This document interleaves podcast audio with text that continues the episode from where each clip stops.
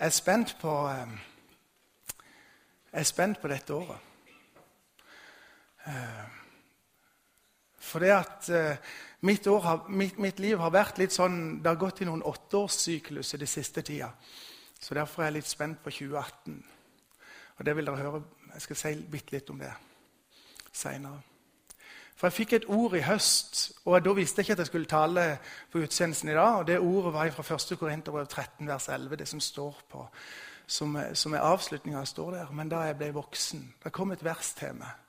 Og um, det kom i en Det kom på en måte bare sendt til meg i uh, en helt annen setting. Ikke, noen, noen leste ikke det verset. Jeg fikk det bare. Så um, slo jeg det opp og så tenkte jeg at um, ja vel, Gud, hva nå? Hva nå? Så Derfor så er overskrifta for, for det jeg skal dele med dere, det er Men da jeg ble voksen. Og Det som er litt artig, det er jo at eh, teksten for i dag den er fra Lukas kapittel 2, og vers 41 til 52, om når Jesus som tolvåringen er i tempelet. Og Vi skal lese den. Det er en fin tekst. Hvert år pleide Jesu foreldre å dra til Jerusalem for å feire påska. Da han var blitt tolv år, dro de som vanlig opp til høytiden. Men da høytidsdagen var over og de skulle hjem, ble gutten Jesus igjen i Jerusalem uten at foreldrene visste om det. De trodde han var med i reisefølget og gikk en dagsreise før de begynte å lete etter han blant slektninger og venner. Da de ikke fant han, vendte de tilbake til Jerusalem for å lete etter han der. Først etter tre dager fant de han i tempelet. Der satt han blant lærerne, lytta til dem og stilte spørsmål. Alle som hørte ham, undret seg over hvor forstandig han var, og hvor godt han svarte. Da foreldrene så ham, ble de slått av undring, og hans mor sa, 'Barnet mitt, hvorfor har du gjort dette mot oss?' 'Din far og jeg har lett etter deg og vært så redde.' Men han svarte, 'Hvorfor leter, hvorfor lette dere etter meg?' 'Visste dere ikke at jeg måtte være i min fars hus?' Men de forsto ikke hva han mente med det han sa til dem. Så ble han med hjem til Nasaret og var lydig mot dem. Men hans mor tok vare på alt dette i sitt hjerte. Og Jesus gikk fram i alder og visdom. Han var til glede for Gud og mennesker. Den teksten kom når jeg hadde, har i, i noen måneder jobba med dette verset, som står etter på en måte kjærlighetens høysang, og dette i 1. Korinterbrev.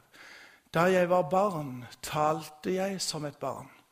Tenkte jeg som et barn, forsto jeg som et barn. Men da jeg ble voksen, la jeg av det barnslige. Eh, Og det er klart at når du eh, etter hvert begynner å vokse til Børge bruker det ordet 'å vokse til'. Det er jo et gammelt, godt uttrykk. Når du begynner å bli eldre, så av og til så reflekterer du litt. Og jeg har kjent det at jeg gjør det mer og mer. Jeg trodde ikke at jeg kunne reflektere helt til jeg satte meg ned og hørte etter, og da kunne jeg jo faktisk. Eh, og Kanskje noen av dere kjenner det akkurat likt. Vi er ikke så reflekterte, men hvis vi bare hører etter, så er vi faktisk det litt sånn innimellom. Mer og mindre. Noen er jo veldig reflekterte. Jeg er ikke blant dem, men jeg kan få det til eh, hvis jeg jobber. Og hører litt etter. Eh, men dette er faktisk et, et spesielt år for meg. Ikke fordi det er 2018, men fordi jeg blir 50. Og det er jo på en måte sånn Ja vel. 50 år, ja. 17. september i eh, 1979 ble de to bildene tatt. Eh, det er min far, som gliser godt. Eh, skjorte og slips. Jeg mangler slipset. Marsipankake. Eh, da var jeg 11 år. Nå er minstemann hos oss han er 18, 16, eller 14 med Benjamin. De er 14 og 16, litt eldre enn det jeg var.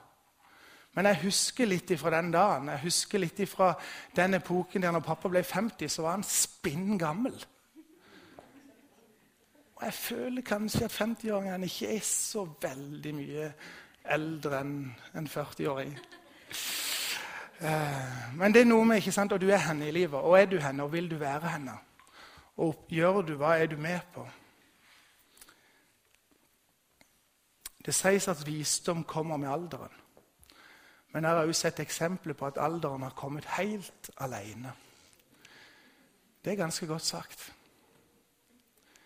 Ehm, og av og til så tenker jeg litt det om meg sjøl. Blir det sånn Svein Arne, at alderen bare skal komme helt alene? Og at eh, visdommen er bare noe som jeg skulle ønske jeg hadde, eh, men som jeg ikke har?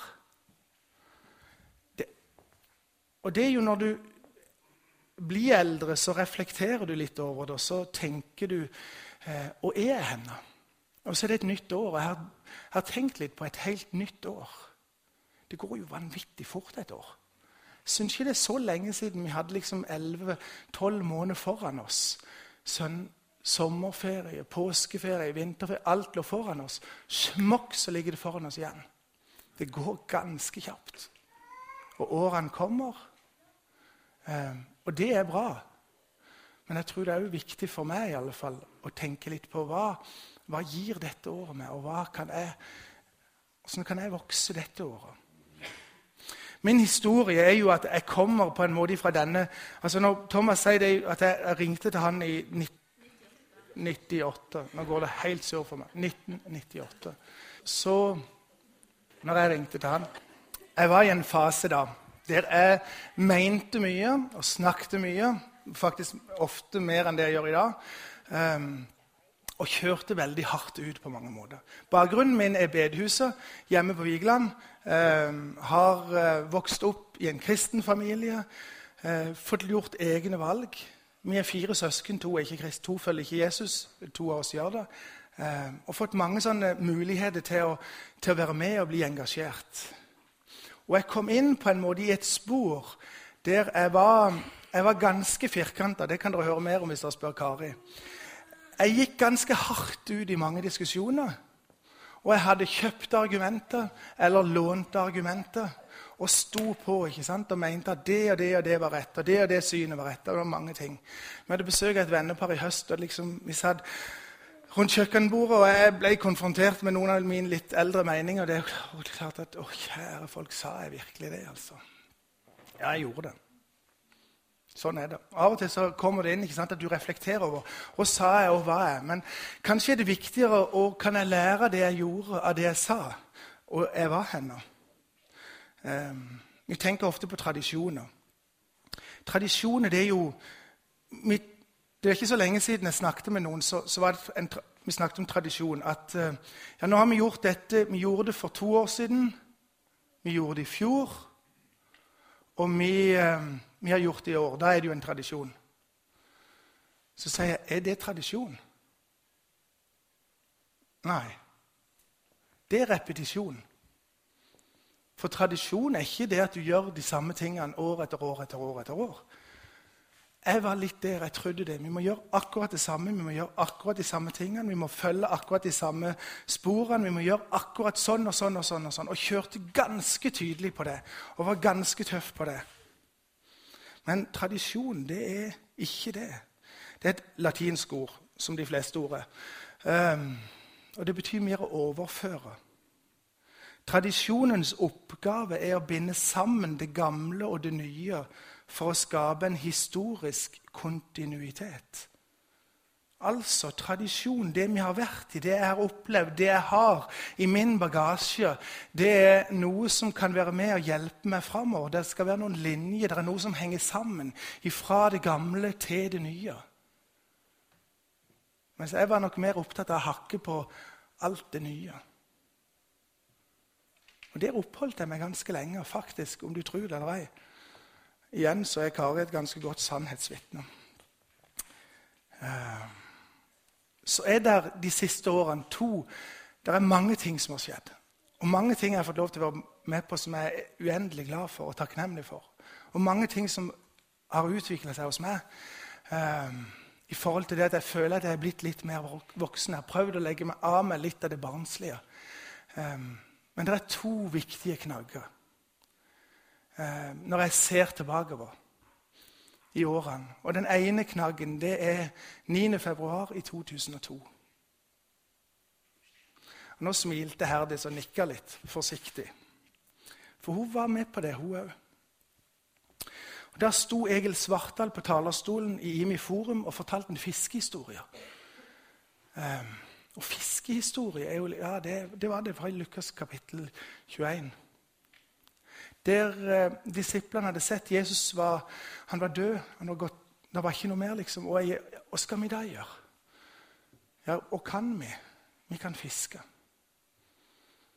Det er det vi kan. Så gikk de tilbake til garnene sine og så satte de ut på båten. Og så um, kom de tilbake igjen og møtte Jesus. Så stilte Jesus de spørsmålene. Har dere fått noen fisk? Ble det noe? Dere gjør jo det dere kan. Og for meg så var det en sånn det var en sånn jordskjelv i alle forestillinger og tanker som jeg hadde klart på en måte å presse inn i hodet mitt om hvordan ting skulle gjøres og burde gjøres, og hva som var sømde seg på bedehuset, hva som ikke sømde seg på bedehuset. Alle disse her tingene. Det var et jordskjelv. For det viktigste er ikke om alt gjøres rett, men om vi får noen fisk. Der sto jeg akkurat på veien inn til å, å, være med og være leder i styret. Og det var et rett spørsmål til rett tid. Svein Arne, fokuset er ikke alt det du kanskje skulle klare å plassere inn i din lille firkanta, smale ramme. Men det er om det er noen, mennesker. Om det er noen som blir kjent med Jesus. Om det er noen som blir kjent med han som gjør at du og meg sitter her i dag. Han som er verdens frelser. Og Jeg kjente når vi sang denne sangen, frihet akkurat rett før. Det er noe i det med Jesus og hans navn. Det var et jordskjelv som rysta meg, som tenkte at ok Paulus har sagt en plass tatt ut en sammenheng, ja, men allikevel så sier han prøv alt, men hold fast på det gode. Prøv alt, men hold fast på det gode. Det er noe med Ja, det er noen ting som er bra i tradisjonen, i linjene, det vi skal føre videre fra det gamle til det nye. Men det må ikke begrense oss. Gi gass, folkens. For meg var det et sånn et Jeg kom hjem til Kari og skulle prøve å fortelle hva, hva jeg hadde opplevd. hva jeg hadde hørt. Jeg klarte ikke å fortelle. Hun lo, og jeg grein. For hun hadde aldri sett meg sånn før. Det var helt merkelig. Og jeg kan jo begynne å grine ennå hvis jeg tenker litt hardt på det. Og jeg har brukt den videoen fra den talen mange ganger i de årene som jeg var styreleder. For jeg kjente at jeg trenger Jeg trenger bare det der pushet igjen. Svein Arne, hva er det som betyr noe? Et menneske møter Jesus.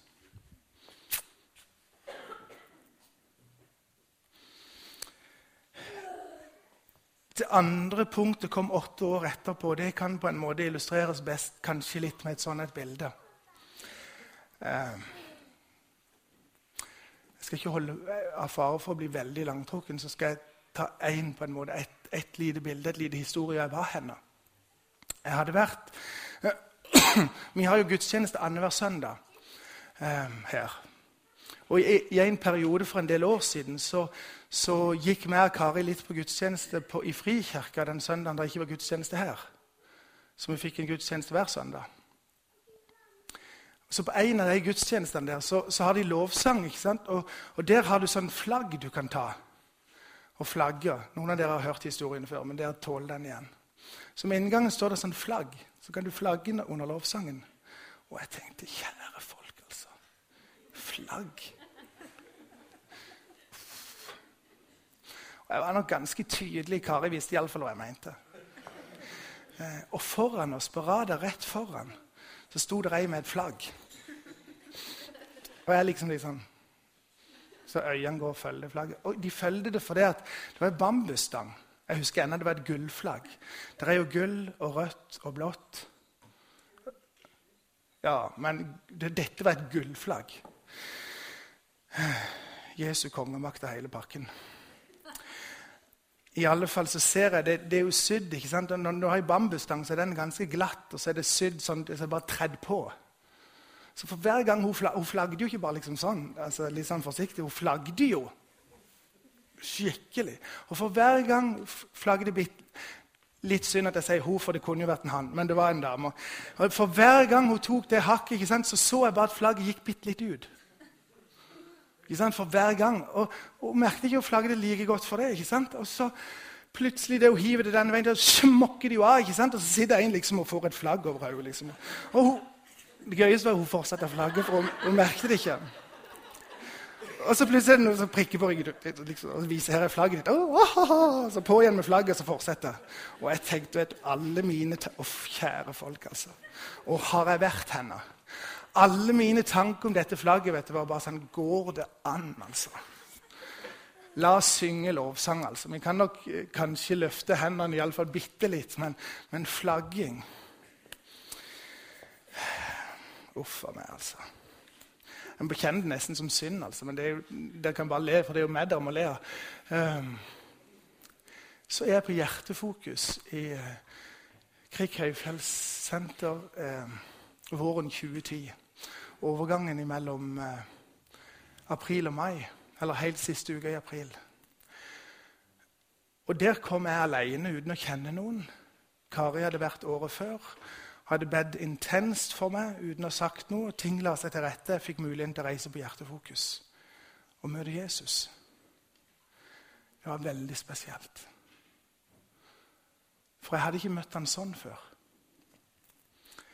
Um, en av dagene så sitter vi Vi var åtte stykker på gruppa, så et, et par som leder. Det paret som leder, har vært her og delt sin kjærlighetshistorie på, på en um, menighetsfest for noen år siden. Flotte folk.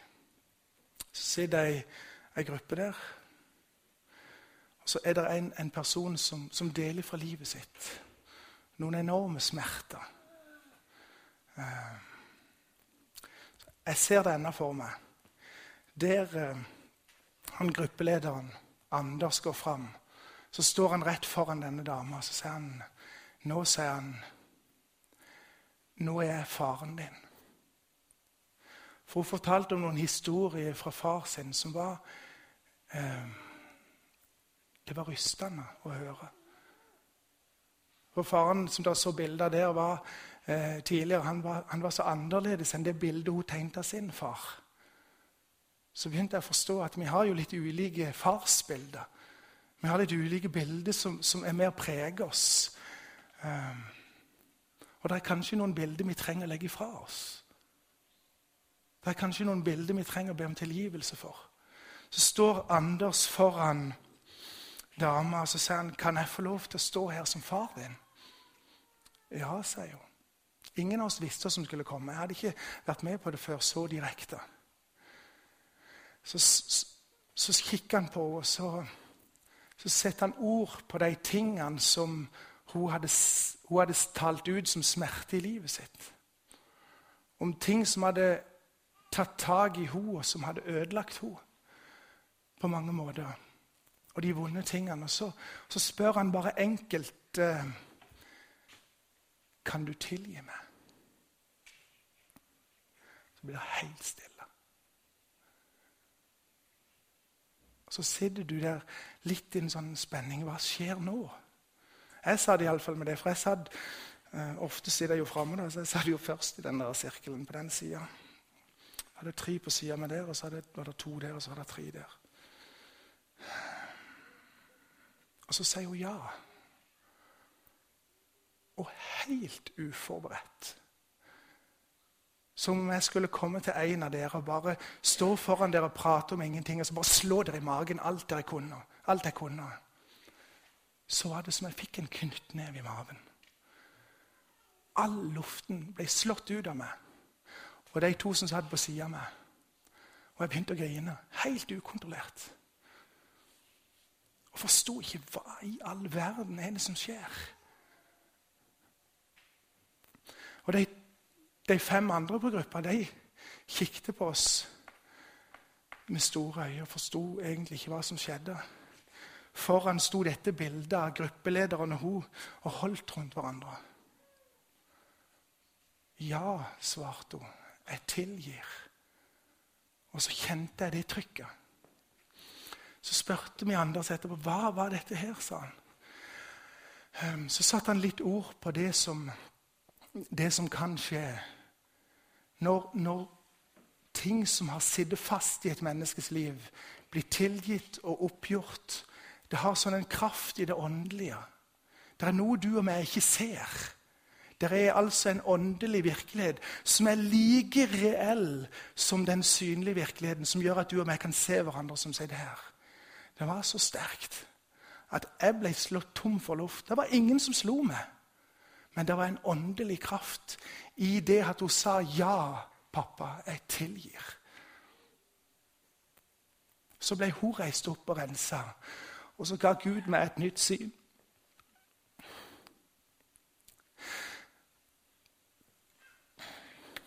Året,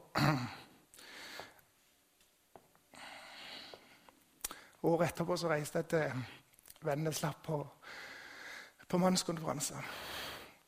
Der står noen flagg fra.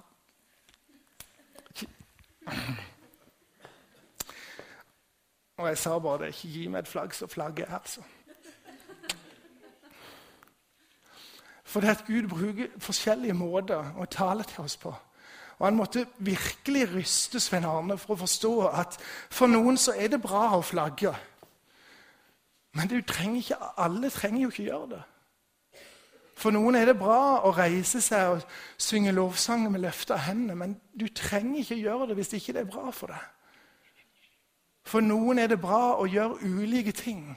Og Gud manifesterer seg av og til på en måte som gjør at jeg blir litt sånn Ja, hva er dette her? Og så er det bare det at Gud er Gud. Og noen av oss trenger av og til å bli røska litt skikkelig opp for at Guds rike skal få virkelig åpne øynene våre for hva som er rundt oss. Og jeg trengte det. Ikke fordi at jeg fyker rundt med flagg til enhver tid, men fordi at jeg trengte å bygge ned noe av det som var mine tanker om hva er det ting dreier seg om. Jeg trengte å bli mer voksen. Jeg trengte å bli mer moden. Jeg trengte å legge av det barnslige. Akkurat som det står i første Korinterbrev, som vi leste. Når jeg var barn, talte som et barn, tenkte som et barn, forsto jeg som et barn. Men da jeg ble voksen, la jeg av det barnslige. Når jeg ble voksen, så la jeg av det barnslige. Hvis du slår opp i ei ordbok og spør hva er barnslig, hva betyr det? Så er det egentlig et adjektiv der, som beskriver negative egenskaper som forbindes med en unge. Umoden, naiv eller barnslig påfunn, barnslig oppførsel. Sånne ting som vi tenker er litt negativt i oppførselen. Det må ikke forveksles med, med, med, ordet som vi leser om at uh, vi skal bli som barn igjen. I Matteus 18, 18,3 så står det jo veldig sterkt det er sannelig sier dere, uten at dere vender om og blir som barn, kommer dere ikke inn i himmelriket. Så det med barnslig det er altså noe annet enn det å bli barn. Å være som barn. Ja, det er det. For barnslig knyttes mye mer opp imot umoden oppførsel. Og der har jeg vært ufattelig mye i umoden oppførsel. Imot Kari mot, mot ungene mine. De som står meg nær, har jeg oppført meg barnslig. Men jeg har også oppført meg barnslig i møte med ulike situasjoner og ting som har skjedd på bedehuskirker og andre ting. Jeg har oppført meg barnslig. Så har Gud talt med Svein Arne Sand. Det er ei tid for å legge av det barnslige. Og For meg så er det blitt sånn som jeg har jobba med i tankene mine fram mot, mot 2018. At 2018 Svein Arne, jobb med å legge av det barnslige. Vær som barn. Ta imot som et barn. Det er helt ok. Men den negative, barnslige oppførselen må du legge av. Hvordan kan den utarte seg? Det er jo sånn som jeg fortalte dere med dette med flagg. Det er barnslig oppførsel av Svein Arne. Barnslig oppførsel. Jeg kunne tatt andre eksempler og, vist at det, det er barnslig oppførsel. Legg det av dere, sier Bibelen. Legg det av. Bekjenn det og legg det av. Gå videre. Reis dere opp. Dette bildet er egentlig ganske sterkt. Og det henter jeg fra teksten vår i dag. Um, fra Lukas 2, der Jesus sitter sammen med de skriftlærde, med fariseerne, blant lærerne, blant de som kunne mye, blant de som hadde masse visdom. Sitter han og underviser dem, sitter han og snakker med dem. Og så er de forundra. Åssen er dette her? Og Av og til så møter vi mennesker sånn, ikke sant, som vi blir forundra over. Hvor er de hen? De virker jo til å Så blir vi litt slått av undring, ikke sant? Av, av kanskje litt begeistring av hva er dette her for noe? Og der var Jesus. Så står det om han. Han gikk fram i alder og visdom. Av og til kommer alderen alene. Jeg håper ikke han skal gjøre det hos meg. Jeg vet jo ikke morgendagen vil bringe, jeg vet ikke dagen framover vil bringe. Men jeg håper jeg kan vokse litt sammen med Jesus i alder og visdom. For min del. I møte med de jeg skal gå sammen med.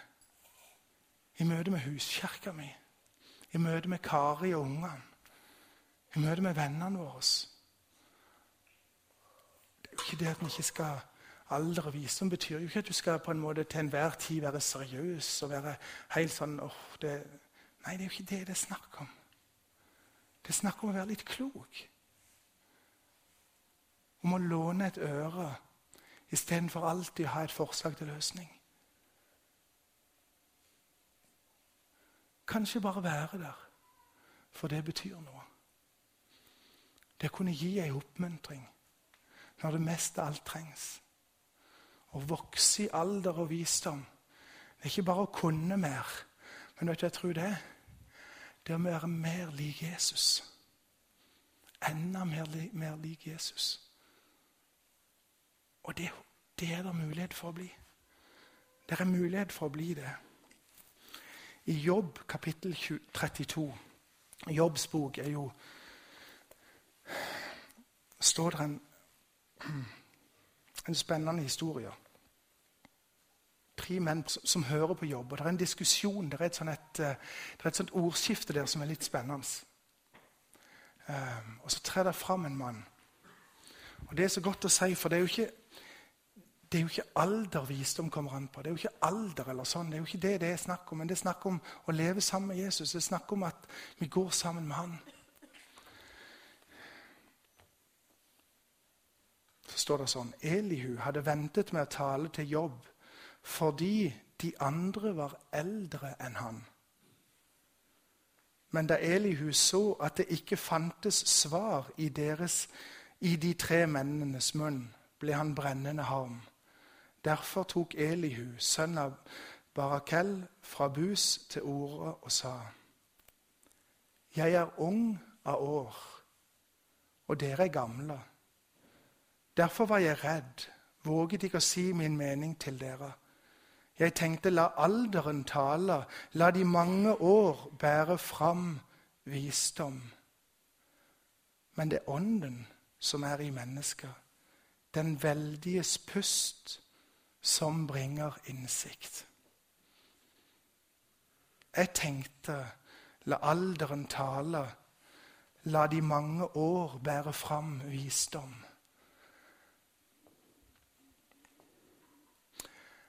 Jeg har en mann på Bryne som er min åndelige far. Og som har betydd mye for meg i alle de årene som jeg har bodd på Bryne. Og det er Arnt Taksdal. Uh, han har alder, og han har visdom. Og jeg, jeg, sa det til han sist jul, når jeg var oppe hos han, så sa jeg Arnt, sa han, jeg drømmer om å bli litt lik deg. For han er et sånt godt forbilde på det å lytte og på det å gi noen ord, men aldri fordømme. Det er alder, men det er visdom. Og så tror jeg at vi alle trenger åndelige mødre og fedre. Og så er jeg sikker på at flere av oss som er her, for lengst skulle ha vært åndelige mødre og fedre for noen rundt oss. Så tør vi kanskje ikke å innta det, eller vi er usikre på det. Eller noen har ikke grodd inn i det, eller vokst inn i det. For det at det er for mye av det barnslige som vi må legge av oss. Han her som sto fram for jobb, han tenkte la alderen tale, la de mange år bære fram visdom. Det er sånn, og det var sånn på Jobbs tid, at alderen ofte kom alene. Men det kan vi gjøre noe med du og meg. Vi kan gjøre noe med det. Vi kan søke Gud. Jeg tror, jeg tror det er viktig at um, du og meg som har fulgt Jesus hele livet, at vi kanskje tenker at eh, det, er mulig å, det er mulig å ta noen skritt i det nye året. Det er mulig å reflektere litt over det som var, og tenke at yes, et nytt år gir nye muligheter. På tirsdag morgen så eh, var jeg på, på, på, trening på morgenen på Årbakka. Og så var det mange andre som var trente. Litt flere enn vanlig på en tirsdag morgen. Og så, så var jeg litt sånn Hvorfor da? Og så sa han på sida sånn, ja, men det er, jo, det, er jo, det er jo første trening etter nyttår. Bare vent til vi kommer litt ut i februar og mars. Så, så, så, er vi den samme gjengen. sa han. Og det er ikke det at jeg har gått der ofte på morgenen. Langt derifra. Men, men det var bare litt sånn fascinerende å se. Uh, og så var det noe, det nyttårsforsettet, ikke sant? Og det, det, og det, er mye diskusjon rundt dette. Hva er bra, hva er ikke dårlig? Men, men, av og til så er det sånn at det går an å bruke, bruke det som ligger i dette, til en, til en, positiv ting. Det går an å bruke det på en god måte for oss sjøl. Det går an, faktisk. Å ikke krysse av på et nyttårsforsett, men å, å ta en bestemmelse. Og jeg tror at mange ting i mitt liv har blitt som de har blitt fordi at jeg har bare seilt videre inn i det. Ting. For en god del år siden hadde vi et kurs her nede som heter Kreativ livsplanlegging. Og Det var jeg med på. Og Da skulle vi tegne hvordan vi drømte livet skulle være når vi blir 50. Jeg tegner jo forferdelig dårlig, altså. Det må jeg bare si. Små og vage drømmer, det kom jeg ut på på denne her. Du skal krysse av, ikke sant? og så leser de opp. Hva blir du? Små og vage drømmer.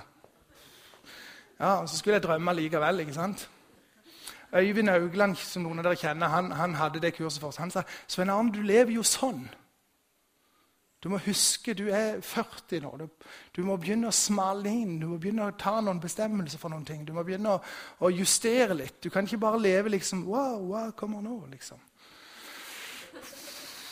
Ja, ja, Små og vage drømmer. Så jeg satte meg ned og tegnte. To av de tingene jeg tegnte, de har definitivt ikke skjedd. Det ene var at jeg skulle ha 50 bikuber. Jeg måtte stoppe på 13, for jeg ble jo så sinnssykt allergisk. Ja vel. Små, vage drømmer, men bare la det ligge. En annen drøm var at jeg skulle bli bedemann. Det er lov å le. Det er jo litt spooky å drømme om å bli bedemann, men jeg hadde en sånn tanke om at der tror jeg jeg hadde gjort det godt. Eller passa bra. uh, men det måtte jeg jo legge litt ifra meg. for at... Uh, så når faktisk spørsmålet kom i 2006 om jeg ville begynne som bedemann, så måtte jeg bare takke nei. Men det er av og til noen ting ikke sant? Det er av og til noen ting som vi, vi kan gjøre noe med, og så er det noen ting som er vanskelig å gjøre noe med. Og så er det av Og til at, og for meg har det vært litt sånn at jeg har bare seilt litt med. Noen av dere tror kanskje at det er bare tull, men det er faktisk sant. Eh, men det går an å ta noen bestemmelser, det går an å gjøre noen justeringer. Det går an å rette inn litt.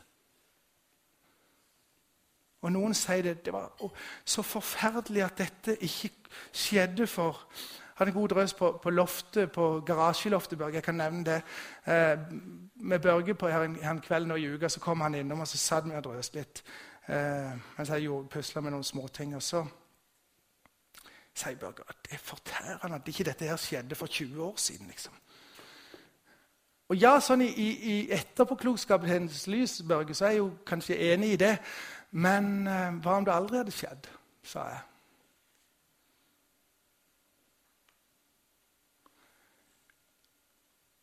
Hva om dine drømmer, det du tenker om, de bestemmelsene du tenker hadde vært viktig å ta? Hva om du bare tok de nå? For det er bedre enn at de aldri blir tatt.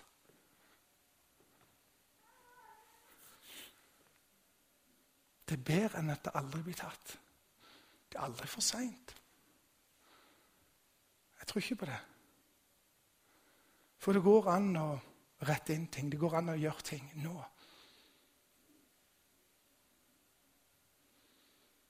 Skal vi få lov til å se på det bak oss og tenke at det har skjedd?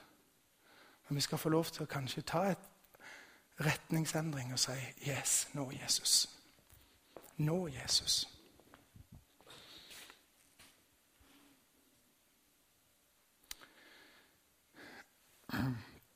I Ester kapittel 44 er det en veldig tilspissa situasjon. Og dronning Ester sitter egentlig på løsninga for det som skal skje. Du må lese den hvis du ikke har lest den. så Gå, gå og les den sammenhengen. Det er fantastisk. Og Det er et sånt nøkkelvers som står i vers 14 der. Om han som kommer til, til Ester, og så sier han og hvem vet om det ikke er for en tid som denne at du har fått dronningverdighet? Hun var gitt en posisjon som var unik i dette dette landet hun var, var forført til var blitt dronning i. Så har vi møtt dette ordet mange 'for en tid som denne'. Og du og meg er jo på Bryne for en tid som denne. Vi kan ikke skru klokka 20 år tilbake og tenke at jeg kan begynne nå. Vi er her nå. Og det er nå vi kan begynne. Og det er nå vi kan ta tak i ting. Det er nå vi kan gjøre, endre ting. Og det var der hun sto. Og så fikk hun høre det at ja, du kan redde deg sjøl, men folket går gjerne til grunne. Men kanskje skal du bruke din verdighet, det du er, den posisjonen du har der du er nå, til å ta noen gode steg. Til å gjøre noen rette valg. Til å vise veien på en god måte. For når jeg var barn, så tenkte jeg som et barn, talte jeg som et barn, gjorde jeg som et barn. Men når jeg ble voksen, la jeg av det barnslige. La jeg vekk det barnslige så er det ikke sånn at jeg ikke kommer til å gjøre barnslige ting igjen. Garantert. Men jeg kan jobbe med meg, med ting. Jeg kan søke Gud. Jeg kan søke andre mennesker hjelp og råd. Jeg kan tenke at disse barnslige tingene skal jeg slutte med.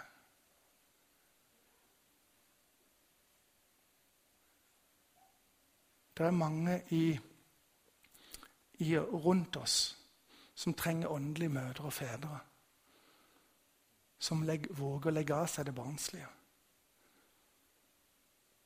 Det er noen rundt oss som trenger oss, som våger å tale sant om 'dette har jeg gjort og sagt og meint'. Eh, men det er et større bilde. Det er noe mer. Og det tror jeg er viktig nå, mer enn noen gang. Å våge å si, det at Gud Skap i meg et nytt og rent hjerte. Forny en stadig ånd i meg. Hjelp meg å søke deg i alt. Hjelp meg å se utover mine rammer, utover mine begrensninger, utover det som jeg bare tenker er rett. Men våg å søke ditt rike og det du har for oss. Det er et nytt år. Og nye muligheter, sier vi ofte. Og det er bare muligheter. For Gud skaper alltid noe nytt. Han repeterer ikke. Han snur ikke blokka. Han ser ikke at ja, 24. januar eh, i 2017 så gjorde Svein Arne akkurat det. Og jeg gruer meg til 24. januar. Gjør han akkurat det samme igjen? Han ser en ny dag, og han ser en ny mulighet. For han skaper alltid noe nytt. Og Så kaller han oss til etterfølgelse. Så kaller han oss til å legge ned vårt eget og til å følge han. Og til å bli som han. Og det er fantastisk. Og jeg trenger å bli minnet på av dere dette året som kommer. Jeg er sikker på at jeg trenger å bli minnet på av, dere at Svein Arne 7. januar snakket du om å legge av det barnslige. Nå, Svein Arne, nå følte jeg at du var barnslig. Jeg trenger å bli korrigert på det. Jeg trenger at folk tett på meg sier det. For jeg ønsker å legge det av, og ønsker å søke Jesus. For det han har for dette året. Gode far, takk for det du har gitt oss. Takk for at vi kan starte sammen. Takk for at vi får lov til å starte året med å tilby deg og ære deg for det du er. Og Nå ber jeg, far, om at eh, ditt ord må få lov til å bli liggende igjen. Det du ønsket å dele med oss denne formiddagen, at det blir liggende igjen. Som et vitnesbyrd om det du vil for dette året i våre liv, Jesus.